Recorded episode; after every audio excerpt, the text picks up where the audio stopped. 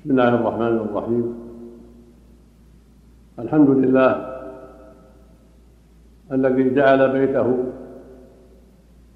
العظيم مثابة للناس وأمنا وجعله مباركا وهدى للعالمين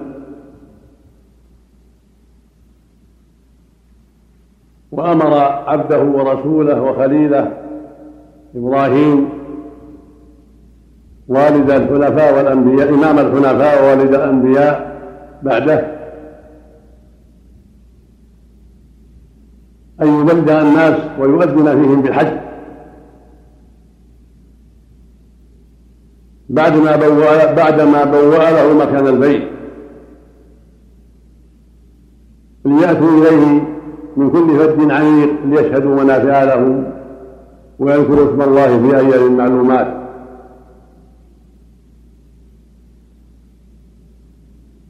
وأشهد أن لا إله إلا الله وحده لا شريك له. إله الأولين والآخرين. الذي بعث رسله وأنزل كتبه لإقامة الحجة وقطع المعذره وبيان أنه سبحانه هو الواحد الأحد المستحق لأن يعبد. والمستحق لأن يجتمع العباد على طاعته واتباع شريعته وترك ما خالف ذلك. وأشهد أن محمدا عبده ورسوله وخليله الذي بعثه سبحانه رحمة للعالمين. وحجة على العباد أجمعين. بعثه بالهدى ودين الحق ليظهره على الدين كله.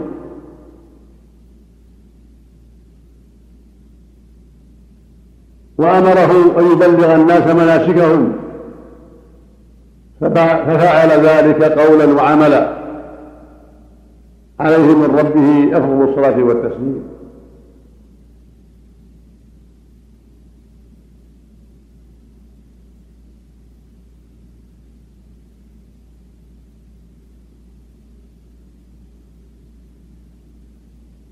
فقد حج عليه الصلاة والسلام. حجه الوداع. فبلغ الناس مناسكهم قولا وعملا وقال خذوا عني مناسككم. فلعلي لا القاكم بعد عامي هذا. فشرح لهم أعمال الحج وأقوال الحج وجميع مناسكه بقوله وفعله عليه الصلاة والسلام.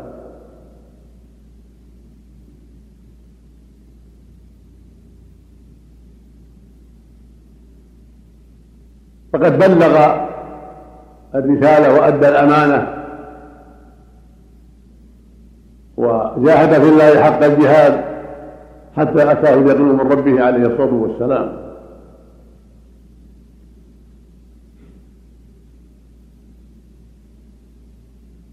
فسار خلفاؤه الراشدون وصحابته المرضيون رضي الله عنهم جميعا على نهجه على نهجه القويم. وبينوا للناس هذه الرسالة العظيمة بأقوالهم وأعمالهم ونقلوا إلى الناس أقواله وأعماله عليه الصلاة والسلام بغاية الأمانة والصدق. رضي الله عنهم وأرضاهم وأكرم مثواهم وكان من أعظم أهداف هذا الحج.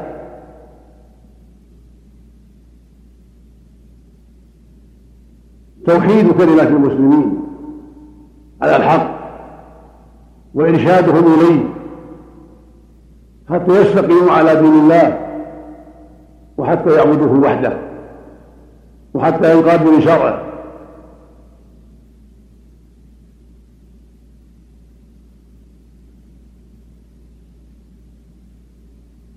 فمن أجل ذلك رأيت أن تكون كلمتي في هذا المقام بهذا العنوان.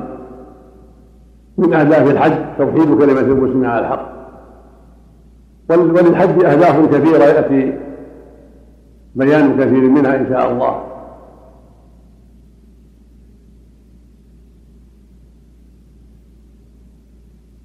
فيقول أما بعد. فإني أشكر الله عز وجل على ما من على ما من به من هذا اللقاء بإخوة في الله في نادي مكة الثقافي الأدبي للتناصح والتعاون على الخير وبيان كثير من أهداف هذا المنفك العظيم وهو حج بيت الله الحرام. أن يكون حجاج بيت الله الحرام منها على بصيرة وليستفيدوا مما شرع الله لهم ومما قد يجهله كثير منهم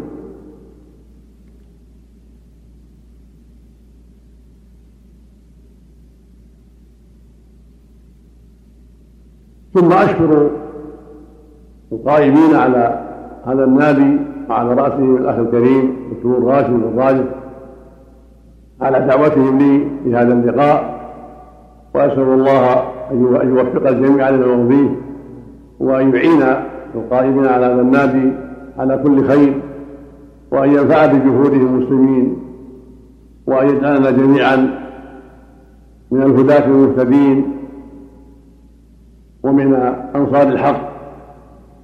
أينما كنا.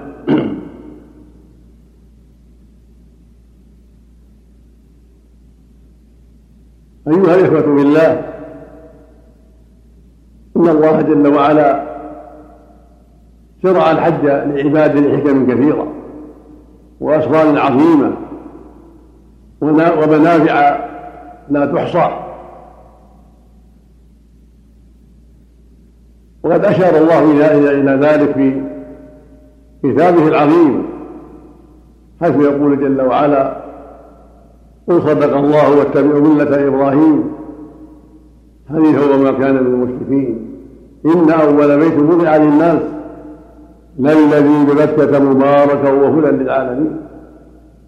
فيه آيات بينات مقام إبراهيم ومن دخله كان آمنا.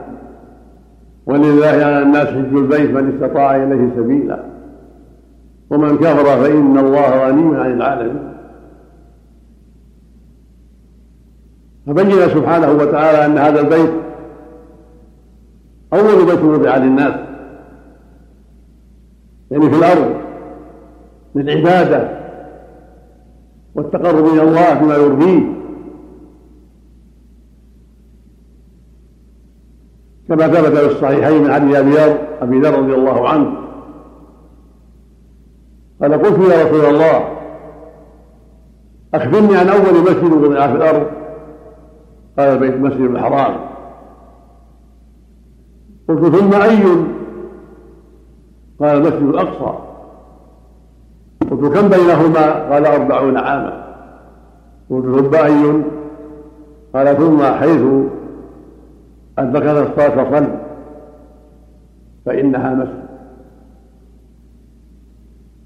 فبين عليه الصلاة والسلام أن أول بيت وضع للناس هذا المسجد الحرام. وهو وضع للعبادة والتقرب إلى الله عز وجل كما قال أهل العلم. هناك بيوت قبله للسكن ولكن المقصود أنه أول بيت وضع للعبادة والطاعة. والتقرب إلى الله عز وجل بما يرضيه من الأقوال والأعمال.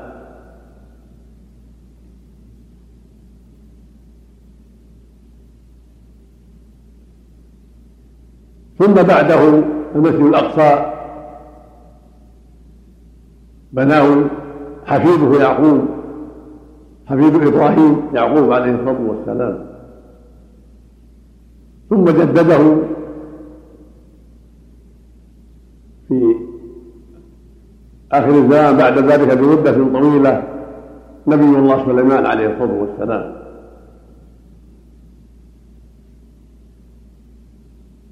ثم بعد ذلك كل الأرض مسجد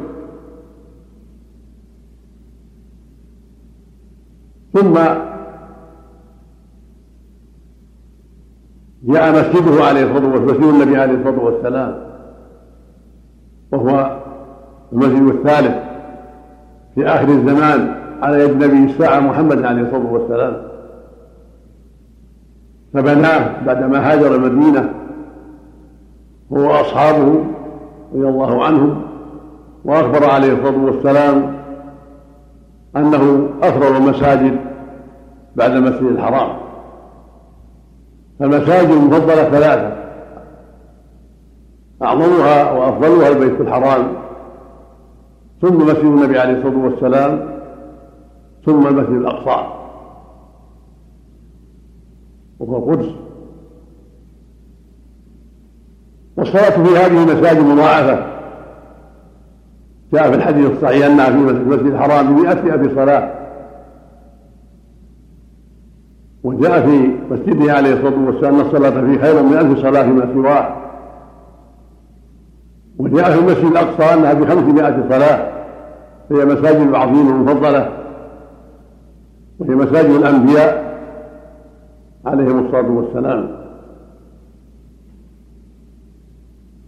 وشرع, وشرع الله جل وعلا الحج لعباده لما فيه لما في ذلك من المصالح العظيمة. وأخبر نبينا صلى الله عليه وسلم أنه فرض على العباد المكلفين المستطيعين السبيل إليه كما دل عليه كتاب الله عز وجل في قوله سبحانه ولله على الناس حج البيت من استطاع إليه سبيلا. وخطب النبي صلى الله عليه وسلم الناس فقال أيها الناس إن الله كتب عليكم الحج فحج فقيل يا رسول الله في كل عام فقال الحج مرة فمن زاده يتطوع فهو فرض في العمر. وما زاد على ذلك فهو تطوع. فرض واحد فرض مرة في العمر. على الرجال والنساء المكلفين المستطيعين السبيل إليه مرة في العمر. ثم هو بعد ذلك تطوع وقربة عظيمة. كما قال النبي الكريم عليه الصلاة والسلام العمرة والعمرة كفارة لما بينهما والحج المبرور ليس له جزاء إلا الجنة وهذا يعم الفر والنفل من العمرة والحج. وقال عليه الصلاة والسلام من أتى هذا البيت فلم يرفث ولم يفسق رجع كيوم ولدته أمه. وفي اللفظ الآخر من حج هذا البيت فلم يرفث ولم يفسق رجع كيوم ولدته أمه. وهذا يدل على فضل عظيم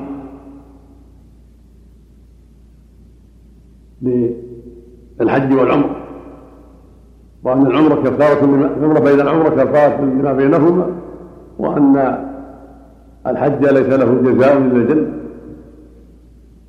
فجدير بأهل الإيمان أن يبادروا لحج بيت الله وأن يؤدوا هذا الواجب العظيم أينما كانوا إذا استطاعوا السبيل إلى ذلك. أما ما بعد ذلك فهو نافلة وليس بفريضة ولكن ولكن فيه فضل عظيم.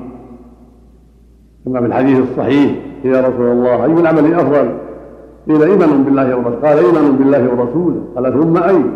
قيل ثم أي قال الجهاد في سبيل الله. قيل ثم أي قال حج مبرور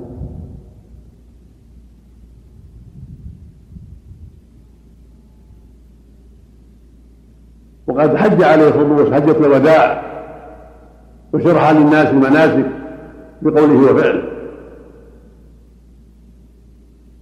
وخطبهم في حجة الوداع في يوم عرفة خطبة عظيمة. ذكره فيها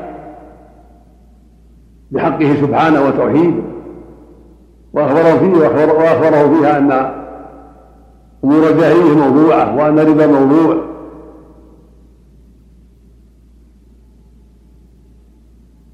وأوصاه فيها بكتاب الله عز وجل والاعتصام به. وبين حق الرجل على المرأة والمرأة على الرجل وبين أمورا كثيرة عليه الصلاة والسلام. ثم قال وأنتم تسألون عني فما أنتم قائلون؟ قال نشهد أنك قد بلغت وأديت ونصحت. فجعل يرفع إصبعه إلى السماء ثم ينكبها إلى الأرض ويقول اللهم اشهد اللهم اشهد. عليه من ربه يفضل الصادق والسلام. ولا شك أنه قد بلغ وأدى الأمانة عليه الصلاة والسلام. فنشهد له بذلك. كما شهد له أصحابه رضي الله عنهم وأرضاهم. وقد بين عليه الصلاة والسلام مناسك الحج وأعماله بأقواله وأفعاله فسار من المدينة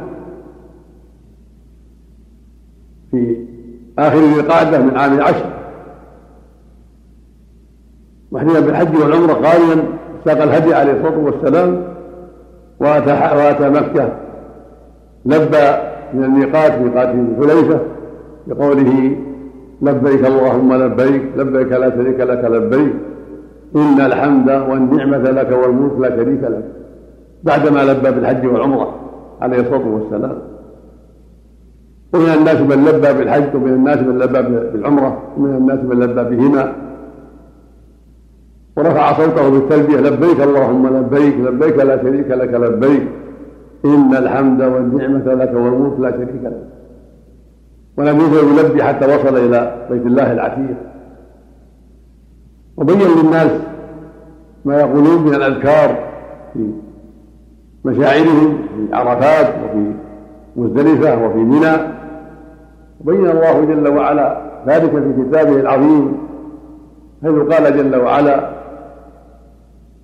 ليس عليكم جناح أن فضلا من ربكم فإذا أخذتم بعرفات فاذكروا الله عند المسجد الحرام واذكروه كما هداكم وإن كنتم قبله لمن الضالين. إلى أن قال سبحانه واذكروا الله في أيام معدودات فمن تعجل في يومين فلا إثم عليه ومن تأخر فلا إثم عليه.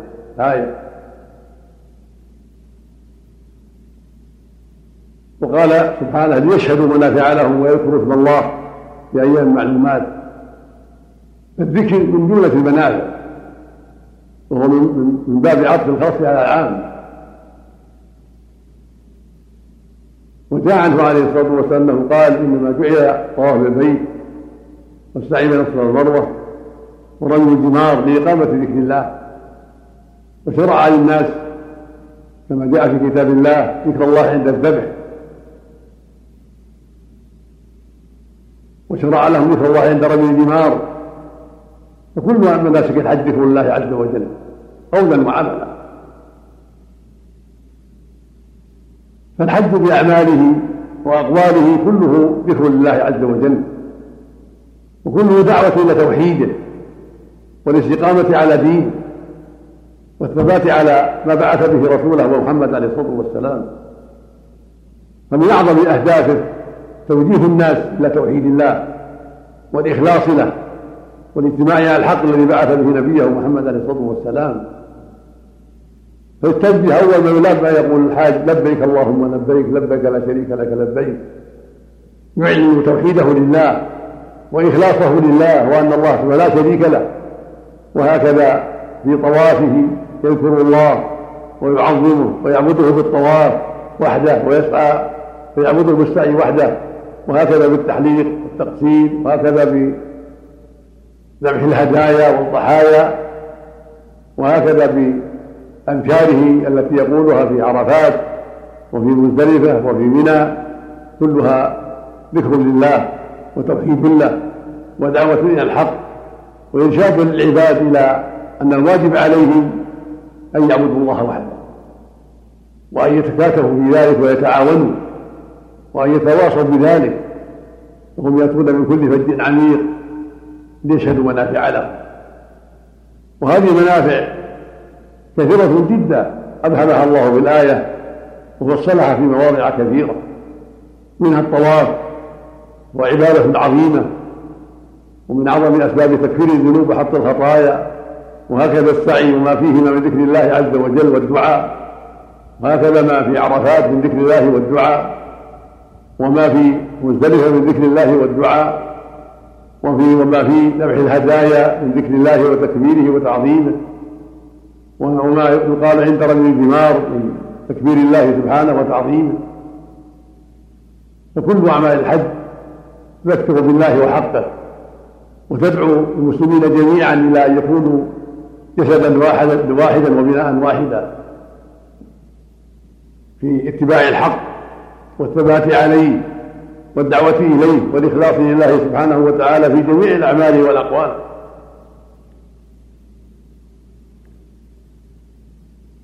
وهم يتلاقون على هذه الأرض المباركة يريدون التقرب إلى الله وعبادته سبحانه وطلب غفرانه وعتقه من وعتقه له من النار. فلا شك أن هذا مما يوحد القلوب ويجمعها على طاعة الله والإخلاص لله واتباع شريعته وتعظيم أمره ونهيه. ولهذا قال عز وجل إن أول بيت وضع للناس للذي ببكة مباركا وهدى للعالمين. فأخبر سبحانه أنه مبارك لما يحصل لزواره والجائين إليه من الخير العظيم من الطواف والسعي وسائر ما شرع الله من أعمال الحج والعمرة. هو مبارك تحط عنده الخطايا وتضاعف عنده الحسنات وترفع فيه الدرجات. ويرفع الله ذكر أهله المخلصين الصادقين ويغفر لهم ذنوبهم ويدخلهم الجنة فضلا منه وإحسانا إذا أخلصوا له واستقاموا على أمره وتركوا الرفث والفسوق كما قال عليه الصلاة والسلام من حج فلم يرفث ولم يفسق رجع كيولدته أمه. والرفث هو الجماع قبل التحلل وما يدعو إلى ذلك من قول وعمل مع النساء كله رفث والفسوق جميع المعاصي القولية والفعلية يجب على الحاج تركها والحذر منها. وهكذا الجدال يجب تركه الا إلا في خير. كما قال جل وعلا الحج أشهر معلومات. فمن فرض فيهن الحج فلا رفث ولا فسوق ولا جدال في الحج. الحج كله دعوة إلى طاعة الله ورسوله. دعوة إلى تعظيم الله وذكره. دعوة إلى ترك المعاصي والفسوق. دعوة إلى ترك الجدال الذي يجيب الشحن والعداوة ويفرق بين المسلمين. أما الجدال بالتي هي أحسن فهذا مأمور به. في كل زمان كما قال تعالى ادع إلى سبيل ربك بالحكمة ومن الحسنة وجادلهم بالتي أحسن. هذا من طرق الدعوة. في كل زمان ومكان. في البيت العتيق وغيره. يدعو إخوانه بالحكمة بالعلم قال الله قال رسوله. بالموعظة الحسنة الطيبة اللينة. التي ليس فيها عنف ولا إيذاء. بالجدال التي أحسن عند إزالة الشبه وكشف ما قد يعرض للإنسان من شبه تصده عن الحق. فيجادله بالتي أحسن. بالعبارات الحسنة والأساليب الجيدة اللينة المفيدة التي تزيل الشبهة وتوضح الحق من دون عنف ولا شدة.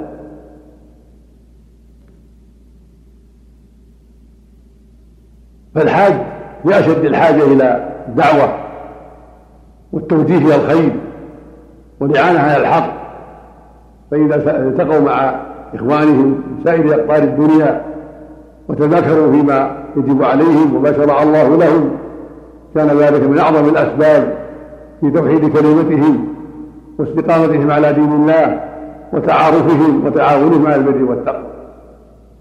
فالحج فيه منافع عظيمه في خيرات كثيرة دعوة إلى الله وتعليم وإرشاد وتعارف وتعاون على البر والتقوى بالقول والفعل والمعنوي والمادي هكذا يشرع لجميع الحجاج والعمار أن يكونوا متعاونين بالبر والتقوى متناصحين حريصين على طاعة الله ورسوله مجتهدين في ما يقربهم من الله متباعدين عن كل ما حرم الله. وأعظم ما أوجبه الله توحيد الله والإخلاص له في كل مكان وفي كل زمان. ولا سيما في هذه البقعة العظيمة. فإن الواجب إخلاص العبادة لله وحده في كل مكان وفي كل زمان وفي هذا المكان أعظم وأوجب. فيخلص لله عمله وقوله من طواف وسعي ودعاء وغير ذلك. وهكذا بقية الأعمال كلها لله وحده جل وعلا مع الحذر من معاصي الله عز وجل. ومع الحذر ومع الحذر من ظلم العباد وإيذائهم بقول أو عمل. فالمؤمن يحرص كل الحرص على نفع إخوانه والإحسان إليهم وتوجيههم إلى الخير وبيان ما قد يجهلون بذنب الله وشرعه مع الحذر من إيذائهم أو ظلمهم في دماء أو مال أو عرض. فالمسلم أخو المسلم لا يظلمه ولا يحقره ولا يخذله بل يحب له كل خير ويكره له كل شر. أينما كان ولا سيما في بيت الله العتيق وفي حرمه الأمين. فإن الله جعل هذا الحرم أمينا. جعله آمنا من كل ما يخافه الناس. فعلى المسلم أن يحرص على أن يكون مع أخيه في غاية من الأمانة ينصحه ويرشده ولا يغش ولا يخونه ولا يؤذيه لا بقول ولا بعمل. قد جعل الله هذا الحرم آمنا وإذ جعلنا البيت مثابة للناس وأمنا. قال جل وعلا أولم نوكل لهم حرما آمنا يجبى إليه ثمرات كل شيء من لدنا. فالمؤمن يحرص كل الحرص. على تحقيق هذا الأمن وأن يكون بنفسه حريصا على الإحسان إلى أخيه وتطمين قلبه وإرشاده إلى ما ينفعه ومساعدته دينا ودنيا على كل ما فيه راحة ضميره وإعانته على أداء المناسك كما أنه يحرص كل الحرص على البعد عن كل ما حرم الله من سائر المعاصي ومن جملة ذلك ظلم العباد. من جملة ذلك ظلم العباد وإيذاؤهم فإن ذلك من أقبح المحرمات. وإذا كان مع حجاج بيت الله الحرام ومع عمار صار الظلم أكثر إثما وأشد عقوبة وأسوأ عاقبة.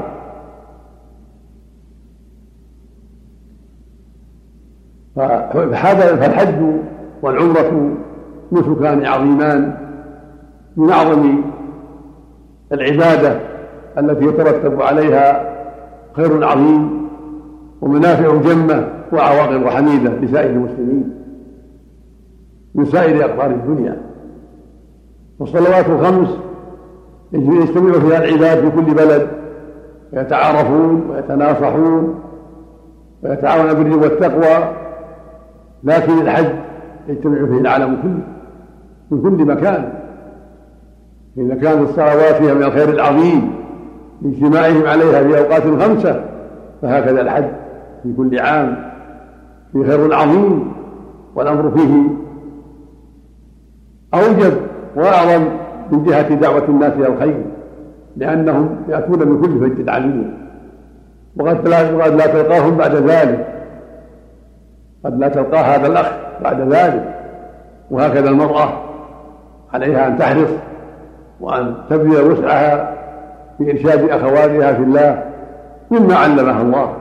فالرجل يرشد لإخوانه وأخواته والمرأة كذلك ترشد مما تعلم لإخوانها وأخواتها في الله من الحجاج والعمار. هكذا يكون الحج وهكذا تكون العمرة تعاون كل الجميع تعاونا وتواصل بالحق وتناصحا وإرشادا للخير وبذلا للمعروف. وكفا للأذى أينما كنا في المسجد الحرام وفي خارج المسجد في الطواف وفي السعي وفي رمي الجمار وفي غير ذلك. يحرص كل واحد على كل ما ينفع أخاه ويدفع عنه الأذى في جميع أجزاء هذا البلد الأمين وفي جميع أداء المناسك. يرجو ما عند الله من المثوبة ويحذر مغبة الظلم والأذى لإخوانه المسلمين. ويقول جل وعلا في بيته العتيق انه هدى للعالمين. وإنما كان هدى للعالمين لما يحصل لهم من الخير العظيم في هذا البيت العتيق. من الطواف والسعي والتلبية والأذكار العظيمة يهتدون بها إلى توحيد الله وطاعته. وما يحصل لهم من التعارف والتلاقي والتواصي والتناصح يهتدون به إلى الحق. وهو هدى للعالمين بما يقع فيه من الخير العظيم من تلبية وأذكار وطاعة عظيمة تذكر العباد بربهم وتوحيده وتذكرهم بحقه العظيم وتذكرهم بما يجب عليهم نحوه سبحانه ونحو رسوله عليه الصلاة والسلام. وتذكرهم بما يجب بما يجب عليه فيما بينهم من تناصح وتعاون وتواصل بالحق ومواساة للفقير ونصر للمظلوم وردع للظالم وإعانة على كل وجوه الخير. هكذا يجب وهكذا ينبغي لحجاج بيت الله الحرام ولعماره أن يوطنوا أنفسهم على هذا الخير العظيم وأن يستعدوا لكل ما ينفع إخوانهم وأن يحرصوا على بذل المعروف وكف الأذى. كل واحد مسؤول عما حمله الله. حسب طاقته فاتقوا الله ما استطعتم.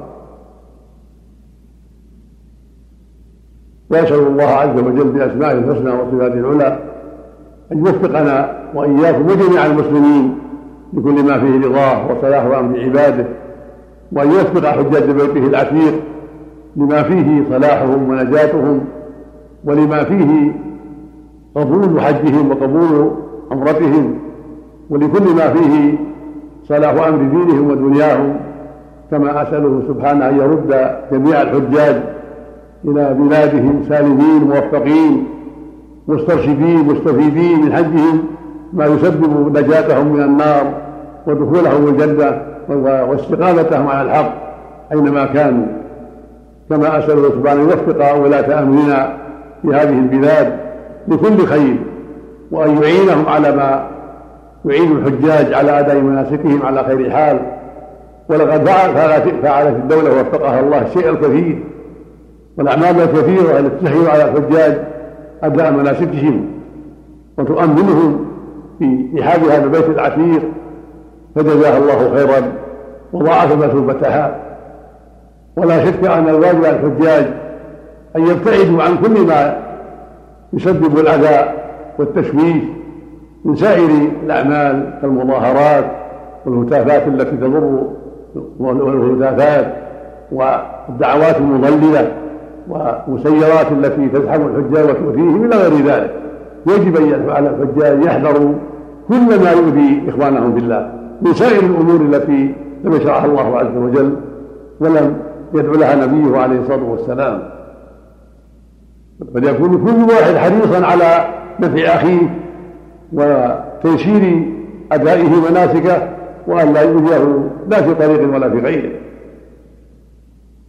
كما أسأل أن يوفق الحكومة للمزيد من كل خير وأن يعينها على كل خير وأن يبارك في جهودها وأعمالها وان يوفق القائمين على شؤون الحج لكل ما فيه رضاه ولكل ما فيه تسهيل أمر الحديد ولكل ما فيه اعانتهم على أداء مناسكهم على خير حال. كما اساله عز وجل ان يوفق جميع ولاة أمر المسلمين في كل مكان لما فيه رضاه وأن يصلح قلوبهم وأعمالهم وأن يصلح لهم البطانه وأن يعينهم على تحكيم شريعة الله في عباد الله وأن يعيننا وإياهم من اتباع الهوى ومن مضلات الفتن. إنه جل وعلا جواد كريم وصلى الله وسلم وبارك على عبده ورسوله نبينا محمد وعلى آله وأصحابه وأتباعه بإحسان.